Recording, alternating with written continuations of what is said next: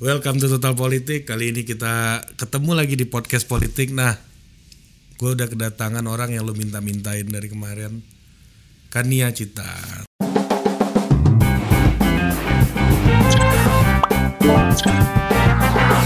Asik. Lu nama belakang lu Irlin atau Irlin atau apa sih? Gue susah banget gue nyebutnya. Irlani. Irlandi.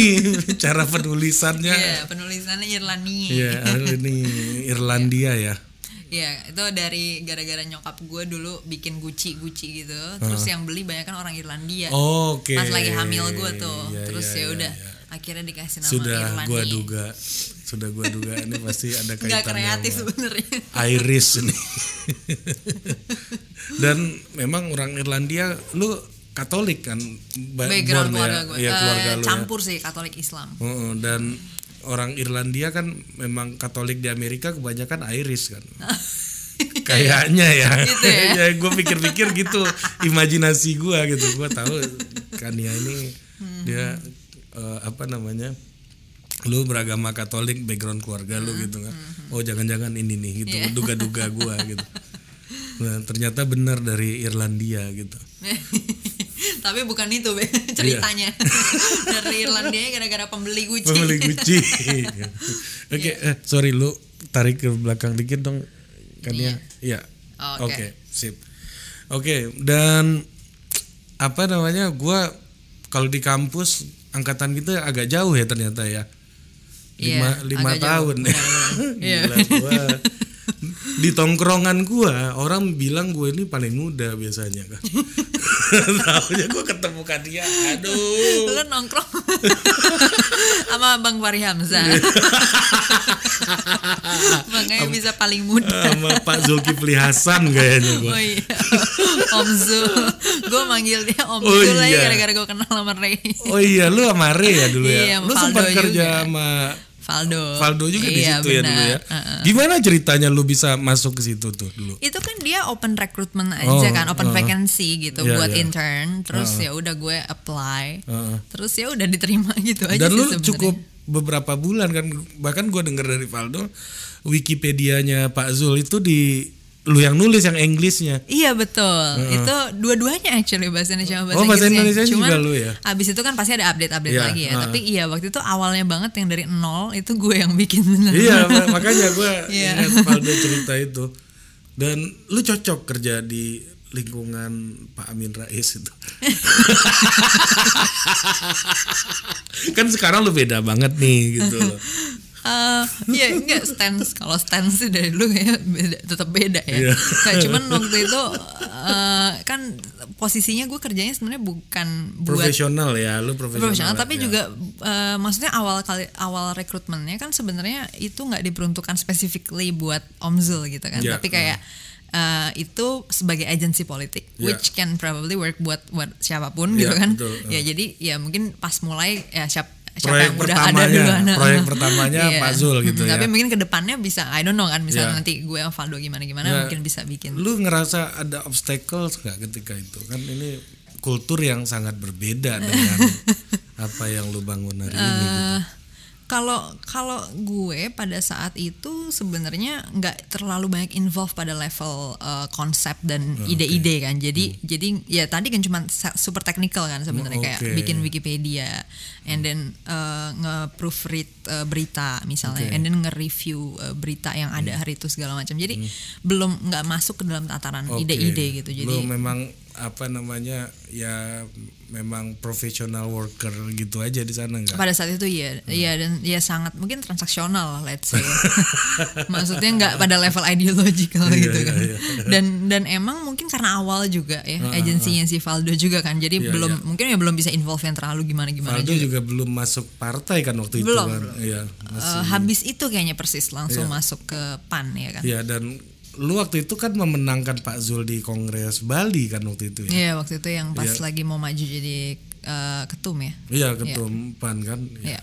Sebenarnya tadi gua sebelum mulai gue tanyakan Nia ada hal yang nggak boleh gue tanya nggak gitu. Ternyata dia ngomongnya Om Zul ya langsung aja gue tanya. Oh.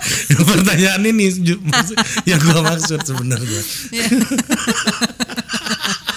Iya. Boleh. Kok. ternyata dia pernah bekerja di perusahaannya Valdo Maldini. kan? Iya pernah orang-orang nggak tahu sih gue sering gue justru sering banget di cerita maksudnya kayak Iya. tapi mungkin nggak kalau di ruang publik mungkin nggak ditanyain ya Iya, jadi gue nggak uh. ngomong cuman kalau lagi lagi sama teman-teman gitu terus ada Valdo gue bilang nih dia bos gue nih dulu gitu di kawinannya Samara juga Iya, gue iya, sempat bilang ini bos gue nih dulu gitu Ya, tapi lu kan di percakapan sosial media juga sering beda sama Valdo sekarang-sekarang kan? Ya, I think uh, again karena Hmm. kalau pada saat gue lagi intern sama dia tuh itu belum ada unsur-unsur nilai-nilainya lah ya, belum ada unsur-unsur ideologikalnya. transaksional dan ekonomistik gitu. Dia sangat permukaan gitu kan. ya masih pada level technical tadi. Eh, jadi ya nggak kita belum pernah tuh ngobrol yang kayak gitu banget. Iya. Cuman ya semakin ke sini ya kita kan karena gue juga jadinya konten kan beda Iya. dong sama Hmm, pada saat itu kan gue nggak nggak bikin konten yang mesti Iya. gagasan-gagasan gue jadinya lebih kelihatan aja sih. Oh berarti stance gue di sini, stance Oke, dia di oke. situ kayak gitu. Oke. Nah, eh gua tahu ya eh, lu dulu di UILDSC ya kalau nggak salah ya. Iya UI eh, anjir gue lupa kepanjangannya. Ya, Liberal Democratic Studies Club sama Bapak kepanjangan. Daniel Hutagaluung tuh. Iya betul Sama Lutfi ya. Mas Daniel sama Lutfi Iya. ya senior gue. Ya, dan dan di situlah yang pertama kali gue ingat lu sampai masuk ke kalau nggak salah ya gue lu masuk ke TV segala macam gara-gara isu LGBT kan waktu itu. Iya tapi itu eh, bukan apa nggak ada afiliasi dengan Ya, ULDSC per se. Heeh, itu kayak oke gue berkomunitas di kampus dalam ULDSC dan SGRC juga. SGRC itu lebih yang gender community gitu. Eh, tapi terus gue kan juga udah berkomunitas di Utan Kayu, Salihara Ya, betul. gitu kan. Jadi gue kenal sama Mas Ade Armando. Ya, Nah actually dia tuh yang ngangkut gue ke ALC. oh logika logika Eh, iya ada Logika AA, dia logika? AA. iya, nah dia tuh jadi jadi katanya pihak TV One tuh nanya kayak kita butuh satu orang lagi nih gitu. Oke, Terus oke. akhirnya ngontak gue nah gitu. memang lu maksud gue gue nggak lagi menanyakan kenapa lu diajak ke ILC gitu. Iya, tapi iya. memang isu eh, apa namanya lu melihat sekritikal itu isu LGBT di Indonesia? Eh, sebenarnya bukan sih. Eh, makanya itu dia. Jadi kan Hmm. eh, dalam konteks itu kan gue bukan kayak misalnya oh gue nyari isu ini nih. Bukan, kan. Bukan, tapi iya. kayak ada Armando ngontak gue kan Iya. gue mau di nyari orang satu lagi nih. Gitu. Gue gue nggak pernah justru ini soal kuota aja itu dia dan orang-orang pada bilang si Karni Ilyas kaget nggak tuh bang Karni gitu? Orang cuma memenuhi slot kota malah bikin rame. Malah lu yang viral soalnya justru itu track record gue justru gue nggak pernah ngomongin itu Ini nggak justru pernah lu, that's not my lu issue gender gender equality aja kan? iya dan, dan gender equality pun gue nggak pernah yang bikin tulisan-tulisan tentang itu Iya, maksudnya iya, iya, iya. eh, Makanya- karena- makanya iya, gua juga- kalau gue kan lebih kayak ya udah pokoknya ada hak individu yang kita kita akuin apa-apa terus ini kalau kalau gue sih mikirnya ini kayaknya Kania nih berhubungan dengan UILDSC nih Oh. sampai mas- Enggak itu dari Mas Ade aja. Terus ya udah. dan Akhirnya muncul di situ. yang sempat menghebohkan juga sebenarnya gue lihat ini eh, kan ya lu menikah Oh. akhirnya sempat menjadi pembicaraan Menjadi gitu. pembicaraannya. Kenapa tuh kenapa? Iya, gue kan apa membaca tulisannya eh, buku klasik gitu. Kar- Karl Marx nulis soal the Holy Family gitu. Bahwa Marx bilang bahwa keluarga itu adalah institusi paling fundamental dalam paling elementer dalam melanggengkan borjuasi gitu. gitu ya. ya ketika lu berkeluarga, lu artinya lu lagi memilih untuk melanggengkan sebuah borjuasi. Anjir gue baru tau ada statement itu loh. Kalau gitu bisa gue pakai tuh. Buat itu Joe Biden. Nggak, ini pertanyaan gue ya sebenarnya ini lu menikah lu nggak ketakutan nih soal pelanggaran property rights apa self ownership lu gitu. Iya, iya. gue ngerti sih. Emang banyak mungkin yang lebih ke arah situ. Kalau yang bagian borjuasi tadi gue baru dengar. lu baca yang lama-lama juga dong, jangan yang Gua- baru-baru nah aja. iya gue baca gue baca Marx tapi kayak nggak kebaca bagian Iya, itu tuh. Mungkin ke skip tuh bagian itu coba nanti gue cari Cari lagi. iya iya. Jadi eh, emang gini ya to be honest gue eh, justru eh, dulu-dulu gue memang nggak ada rencana kayak gue bakal merit gitu Ya, itu itu li, liniernya orang kayak lu gitu. apa tuh? Gimana Ya, tidak berencana untuk married gitu liniernya. Iya jadi maksudnya gini gue gue berencana berkeluarga yes. Maksudnya gue tertarik banget buat kayak having a family as in Iya. gue mungkin bisa punya anak juga segala macam. Tapi eh, gue nggak merasa ada keharusan bahwa itu harus formalize gitu. Ya you know Iya, lah iya, bahwa ya gue harus banget nih dalam institusi yang sosial gini-gini Ya kan ala libertarian lah.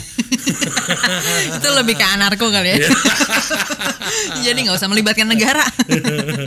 Tapi eh, pada saat gue makin ke sini ya kan terus kita juga jadi ngerti eh, maksudnya konsekuensi konsekuensi konsekuensi legal sebenarnya dari kalau lo berkeluarga tapi nggak ada formal you know legal ininya legal standingnya jadinya eh, akhirnya gue ngerasa I think it's more beneficial buat gue legally untuk nge-formalize gitu. Karena in the end gue tetap mau berkeluarga anyway gitu. Ya, ya, ya. Ternyata butuh negara juga ya.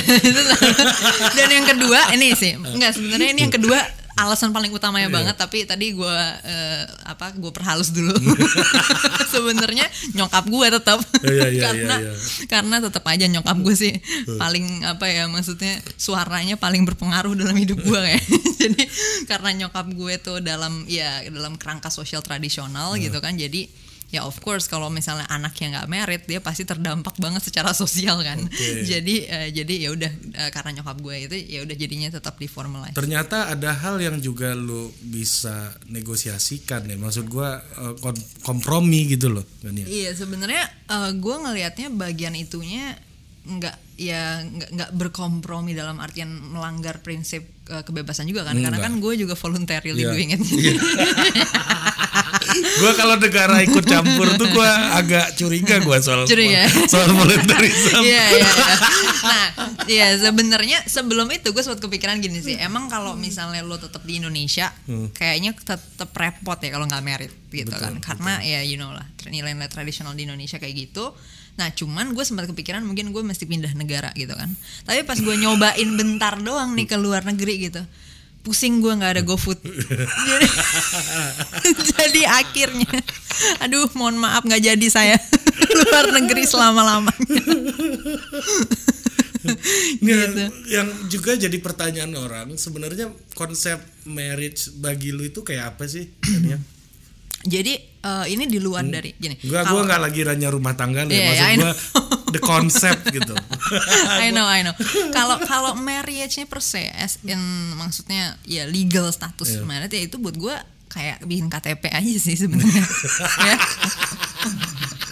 bikin KTP, bikin SIM.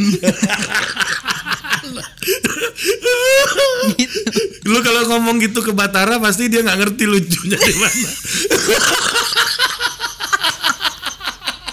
Untung orangnya nggak ada.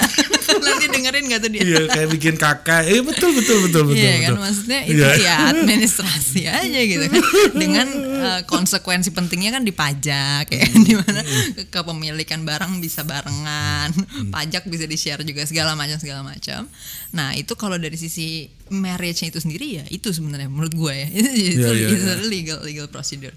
Nah cuman kalau misalnya lo pertanyaan relationship-nya maksudnya di dalamnya how how I do commitment gitu ya buat gue itu lebih ke ya life partner sih. Maksudnya kayak yang semisi, sevisi, bisa ngerjain, bisa berkarya bareng, terus share the same values yang pengen, maksudnya eh, nilai-nilai dalam bermasyarakat yang pengen kita dorong kayak gimana ya, we're in the same page gitu kan dalam hal itu, gitu-gitu lah. Iya iya iya. Ternyata ada sisi normalnya juga ya. Dan ya of course yang memenuhi biological Iya. needs. Dan gua ini ya apa namanya eh pernah ngobrol sama lu tahu Pak Budi Harto Budi Har gak dosen antropologi yang evolution eh, dia percaya Darwinian gitu dia. belum belum pernah, belum pernah. Kayaknya dia udah pensiun lu masuk deh. Oh iya, iya. tapi gue jarang banget sih nemu yang antrop evolusi. Kalau ada, gue mungkin Ada. bakal bakal seneng banget buat ngobrol sama dia. Beliau eh, apa openly eh, ngaku ateis ya Hmm, di Visip dulu. eh, di pas ditanya sama beliau Pak kalau meninggal gimana Pak gitu ya udah kena eh, tubuh kita itu dimakan bakteri pengurai aja Iya memang. buat gua anak daerah waktu itu penjelasan itu aneh gitu loh Begitu ya. ya sama kayak buat sebagian orang dengar lu ngomong tadi ya sama kayak yang ngurus KTP si Fajar aja sampai ketawa Oh, gitu ya? jarang-jarang Fajar ketawa dengerin Arsu dengerin pelawak aja dia nggak ketawa bos Oh, Jadi masuk tuh ya ke humornya Fajar ya masuk ya. Ya, ya. iya sih ya memang ya status legal ya kayak gitu ya mau mau gimana lagi gitu ya Iya. Nah, eh, apa namanya? Lu juga eh, soal property rights kan banyak orang-orang feminis gitu ya. Ya terutama yang openly feminis itu mem- memutuskan tidak menikah gitu misalnya yang gua kenal lah paling enggak Iya, gitu. iya, iya. Dan karena takut dia kehilangan hak atas tubuhnya, hak atas dirinya Iya, gitu. iya.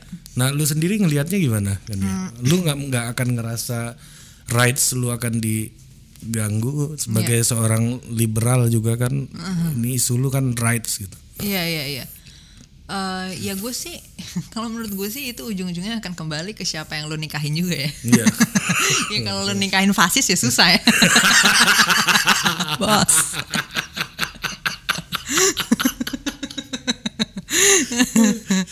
Eh, Iya itu ya satu ya itu sih. Menurut gue kembali ke lu merit itu sama siapa gitu kan? Iya, iya, selain betul, dari betul. konteks ideologi juga gue lihat ada orang-orang yang kayak misalnya wah kalau istri gue nggak gini-gini nanti gue masuk neraka nih. Nah itu juga jadi susah kan? Karena Iya. jadinya dia harus ngatur istrinya ini harus ngapain gitu. Iya, betul, nah kalau menurut gue di situnya sih yang jadi kunci. Nah karena gue emang merit sama orang yang share the same values anyway ya jadinya bisa sejalan dong dalam mengatur rights each of each other kan? Ya, jadi maksudnya Oke. gitunya sih Berarti lu setuju kalau orang tuh lebih punya kecenderungan berkelompok dengan sesamanya dibandingkan dengan berbeda. maksudnya ya sesa- ya birds of the same feather flock together gitu ya Iya, eh. Uh, Iya, iya, I think itu it only makes sense aja. Maksudnya gini, kayak misalnya gue punya nilai di mana gue harus memusnahkan lo. Nah gimana gue bisa berteman sama lo bos? ya gue aja mau musnahin lo. Aduh, Iya kan ya. Kayak gitunya sih. Ini jadi pertanyaan lagi gua buat Gimana, multikulturalism filosofi gitu, kayak pluralism. Ya menurut gue pada level apa nih kalau misalnya kita kultural dalam eh multikultural dalam artian lo pakai baju biru, gue pakai baju hitam ya. no problem bos ya. nggak? Tapi kalau misalnya eksistensi gue bisa bikin lo dibakar selama-lamanya di neraka, nah gimana kita bisa barengan? Oh iya, betul, Iya betul.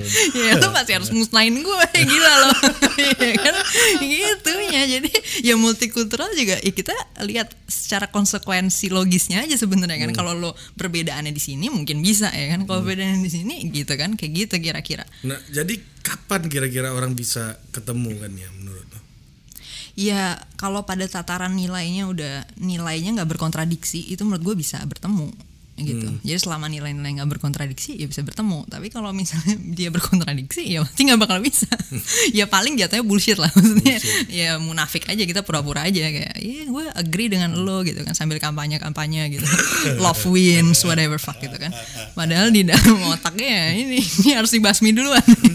Saya ya itu kan terjadi gitu ya lo tau lah sebagai sosiologi Gua, ya kan gua kemarin habis podcast sama Adriano Colby ya. Hmm. Jadi ada satu statementnya yang menggelitik gua gitu. Hmm. Dia bilang gini, ya kalau lu bilang lu jangan lihat yang jelek-jeleknya aja dong, lihatnya yang bagus-bagusnya juga.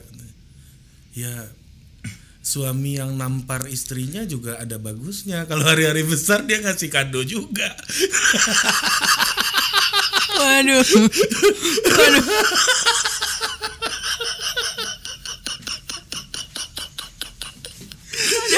Itu ibarat kayak tadi.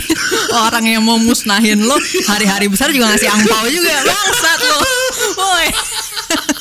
Muka gile. Itu gila tuh gue dari tadi lo ngomong itu gue lagi ini sama kayak Adi nih Kacau juga. ya. Aduh belum dengar tuh gue yang Adri, tapi gue sempet lihat di share. Gue belum dengar nanti coba gue nanti dengerin. nonton deh. Gue sama Iya. Lord, Af- Lord Adri ini langsung Iya, kagum gue. Iya, iya. Ya, emang dia bandel banget, tapi di otak aja. Kalau di kelakuan cukup lurus-lurus aja ya. Lurus-lurus aja kayaknya. Kayak bapak-bapak default aja bentuknya gue lihat. Nah, Iya, ini iya. juga nih, ini kaitannya nih. Lu itu punya brand, nih gua nggak tahu lu bener-bener punya uh, brand brand planning lu atau apa. Gua rasa sih lu spontan aja ya menurut gua ya. Lu punya brand perempuan rasional dan logis gitu loh. Lu nggak capek? Maksud gua, lu nggak mau ada kepikiran untuk jadi mama pada umumnya gitu loh yang yang gosip di tempat tukang sayur gitu loh maksud gua kan ya lu ada pikiran nggak gitu loh Nah, iya, interesting question. ya, tapi benar yang lu bilang itu kinda spontan. Iya, iya. ya karena emang itu ya itu framework Itu kan- berpikir gue dari kecil.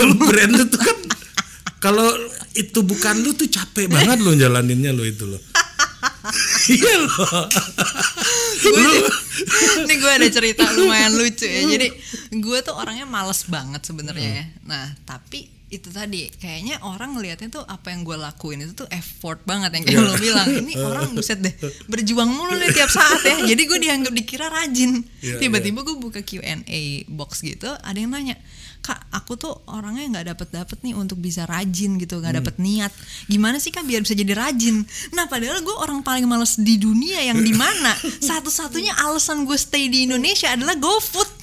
Lo ngerti gak sih? Exactly karena gue males banget nih karena gue semales itu jadi jadi gue ngelakuin itu nggak perlu effort gara-gara dari awal ya kan. Mesti kayak lo punya iya. kebiasaan kayak misalnya lo ngomong kayak gini nih mungkin buat orang juga berat nih Ri, apa yang lo omongin ini segala macam karena buset si Ari effort banget tuh mikirnya gini-gini referensinya di sini-sini tapi kan karena lo udah kebiasaan mikirin itu segala macam jadi nggak ada effortnya lagi kan. Nah the way gue mikir juga kayak gitu. Kalau gue udah dari balita banget kayak gitu ya kan? Ya so it's a 20 ya, years of memang itu hidup lo ya mau gimana gitu? Justru gue nggak tahu alternatifnya. Iya. nah kalau soal gosip I do gossip cuman ya lebih kayak just like everything else. Kayak misalnya lo nonton gue nonton tapi kan film akhirnya dipengaruhi sama paradigma lo kayak gimana kan? Jadi gosip ya gue bergosip juga tapi ya mungkin beda aja kali ya sama gosip yang yang tadi lo maksud. Ya, nggak ngomongin apa namanya ih itu sih itu eh, suaminya kasihan deh mobilnya nggak ganti-ganti gitu. nah itu. Itu kan lebih kepada gue nggak bisa ngeliat itu sebagai masalah gitu. Itu di mana masalahnya orang nggak ganti-ganti mobil. Ya biasa aja kan. Iya, makanya. ya, maksud gua kan eh, banyak gitu eh, perempuan kebanyakan lah. Gua nggak nggak bilang lah. Pada umumnya kayak gitu gitu. Iya, Nah itu dia. Jadi gue justru lumayan sering kayak ya nyenggol-nyenggol dikit lah. Kayak gue bilang maksudnya iya kayak gituan nggak perlu dipermasalahin lah Iya, gitu kan. Karena justru kan gara-gara budaya mempermasalahkan itu yang bikin jadi konsumtifnya tuh nggak efisien gitu kan maksudnya kita berkonsumsi ya gara-gara buat menuhin yang kayak gitu-gitu supaya Iya. nggak diomongin segala dan, macam. dan ini juga kan ya gua melihat di Indonesia ini perempuan juga masih dianggap objek gitu ya Hmm. ini gua sebagai orang Minang gitu misalnya kan banyak orang bilang Minang matrilineal gitu ya Hmm. Posisi perempuan ditinggikan gitu misalnya Hmm. tapi gue lihat bahkan di keluarga gua gua pernah lihat orang tua gua eh lu perempuan ngomong aja lu gitu jadi itu. Iya. tuh masih ada Iya. gitu Iya, kira-kira karena, uh-uh. kapan revolusi nih Iya. gue kalau sama lu pertanyaan gue yang radikal-radikal aja lah ya gue gue nggak tahu sih eh, lo tadi sempet ngobrol atau enggak sama yang dosen antrop tadi Iya. tapi mungkin dia bakal sama nih pijakannya sama gue nih maksudnya gimana kita ngelihat suatu budaya itu dalam kerangka evolusi manusia sebagai Hmm. organisme maksudnya kita bisa berbudaya kayak gitu awalnya nggak mungkin dong kita udah secerdas sekarang maksudnya udah dengan secara sadar gitu ya berbudaya mungkin di sosiologi juga dipelajari Hmm. maksudnya budaya juga kebentuknya bukan gara-gara kayak gue secara sengaja nih mau gini-gini beda sama kayak sekarang orang bikin tren boba secara sengaja gitu Iya, iya, tapi by ketika design. kita dulu punya tren di mana laki-laki yang mencari nafkah itu kan awalnya pasti ada dorongan dari sisi seleksi alamnya gitu loh Hmm. bahwa ketika perempuan itu bereproduksi butuh 9 bulan hamil itu kan jadi susah produktif nih di 9 bulan ini kan. Karena dulu pekerjaannya membutuhkan fisik yang banyak kan. Ya, maksudnya butuh hunting segala macam lah ya. Gathering. Nah, ya kan. Kayak gitu kan itu it was a long time loh kita ngelakuin itu. Bukan kayak setahun dua tahun, naik ratusan ribu tahun. Jadi co- cowok-cowok akhirnya kan eh, terdorong untuk jadi yang nyari nafkah dong, karena mereka bakal bisa lebih banyak waktunya untuk produktif eh, cari makan. Sementara kalau perempuan bakal banyak hamil ngelahirin. Iya. Beda sama sekarang di mana kita punya kontrasepsi kan. Nah jadi dengan akar kayak gini eh, kita harus sadar dulu bahwa akan ada drive-drive yang emang biologis nih gitu dalam Oke. bertindak kayak gini gitu. Bukan cuman dalam konteks ya cowok cewek tapi bukan cuma dalam konteks patriarki per se atau tadi ya misalnya ya cewek sebagai objek segala macam tapi juga there are so many things lah ya kan. Termasuk misalnya bias-bias konfirmasi, bias kognitif segala macam yang itu udah ketempelan di kita gara-gara dari proses evolusi tadi kan. Nah, jadi dengan melihat itunya, pertama gue akan memisahkan dulu masalah budaya dengan orangnya nih. Oke. Maksudnya gue nggak bilang bahwa gini, ketika kita mau menghab- me- ibaratnya menghapus tadi merevolusi suatu Iya. budaya, gue bukan berpikir dengan kerangka gue memerangi orangnya gitu. Maksudnya ya misalnya gue memerangi laki-laki atau memerangi tadi apa gitu, tapi nilai ini dia sendiri ketempelan. Nah jadi caranya adalah bagaimana kita mengubah paradigma dia kan gitu kan. So actually ya gue lagi in the mission of revolution itu kan. Bagaimana revolusinya sebenarnya yang digarap sama si Malaka itu kan awalnya sebenarnya karena gue ngelihat ya ini berkelindan dong antara nilai-nilai tradisional ini dengan nilai-nilai tradisional yang menghasilkan tindakan-tindakan kayak tadi gitu. Ya ibarat traditional beliefs lah ya. Di mana dulu-dulu ya orang kepercayaan nempel dong sama apa yang udah menjadi budaya dari dulu ya gitu kan. Sehingga makanya kalau dalam kepercayaan-kepercayaan ya ada dong konsep-konsep di mana cewek harus gini-gini cowok Iya. harus gini-gini. Ya karena emang itu udah jadi budaya yang udah dari lama ada gitu kan.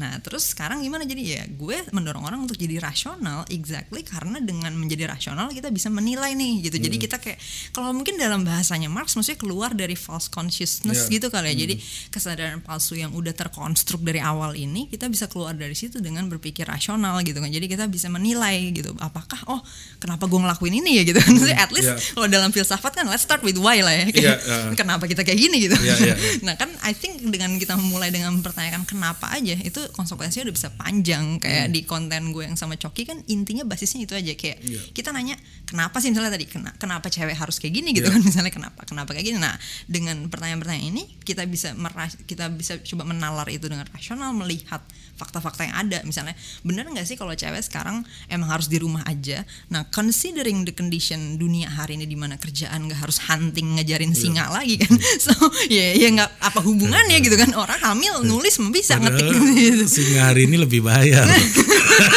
singa kota. Iya, oh gitu ya. Iya kan? Ini kita udah nggak perlu apakah dia harus lari-lari lagi mana singa kan udah enggak kan. Jadi dari situ kita tahu oh berarti ini udah nggak relevan nih gitu maksudnya. Kayak kayak gitulah. Jadi kenapa gue mendorong eh, pemikiran rasional dan ya dari logis, saintifik itu karena memang salah satunya untuk bisa eh, mengelola ini juga gitu. Bagaimana kita merespons budaya-budaya yang udah nggak relevan lagi. gue gue ingat bapak mertua gue ya Hmm. waktu anak gue lahir mau akikahan gitu terus anak gue kan perempuan Hmm. nah perempuan terus bapak mertua gue bilang gini ri udahlah ngapain dibeda-bedain laki-laki sama perempuan kalau di Islam kan laki-laki itu anak laki itu harus lu kalau gue nggak salah nih ya nyembelih kambingnya dua ekor oh iya. kalau perempuan satu ekor. Jadi gue udah seneng dong satu ekor dong. Bapak mertua gue bilang Iya. samain aja. ya lu jawab dong sama-sama satu ya. Jadi sama dua maksudnya. Ya, Kalau sama-sama dua. nah maksud gue secara simbolik pun orang nggak nggak nggak apa namanya nggak aware kadang gitu. Iya, iya, iya. Bahkan menikmati bahkan gue pun menikmati gitu. Ya, kalau gua- satu kambing kan. Nah, Iya, bapak mertua gue enggak. Kita harus equal. Beli aja dua kan nggak ada masalah. Nah kalau gue bakal milih equally satu.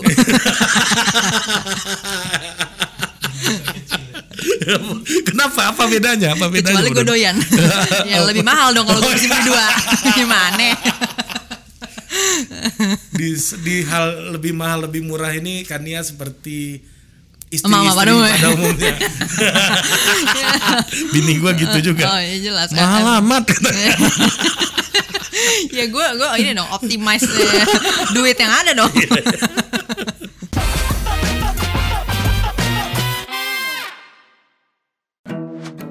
Produced by Total Politik and powered by haluan.co.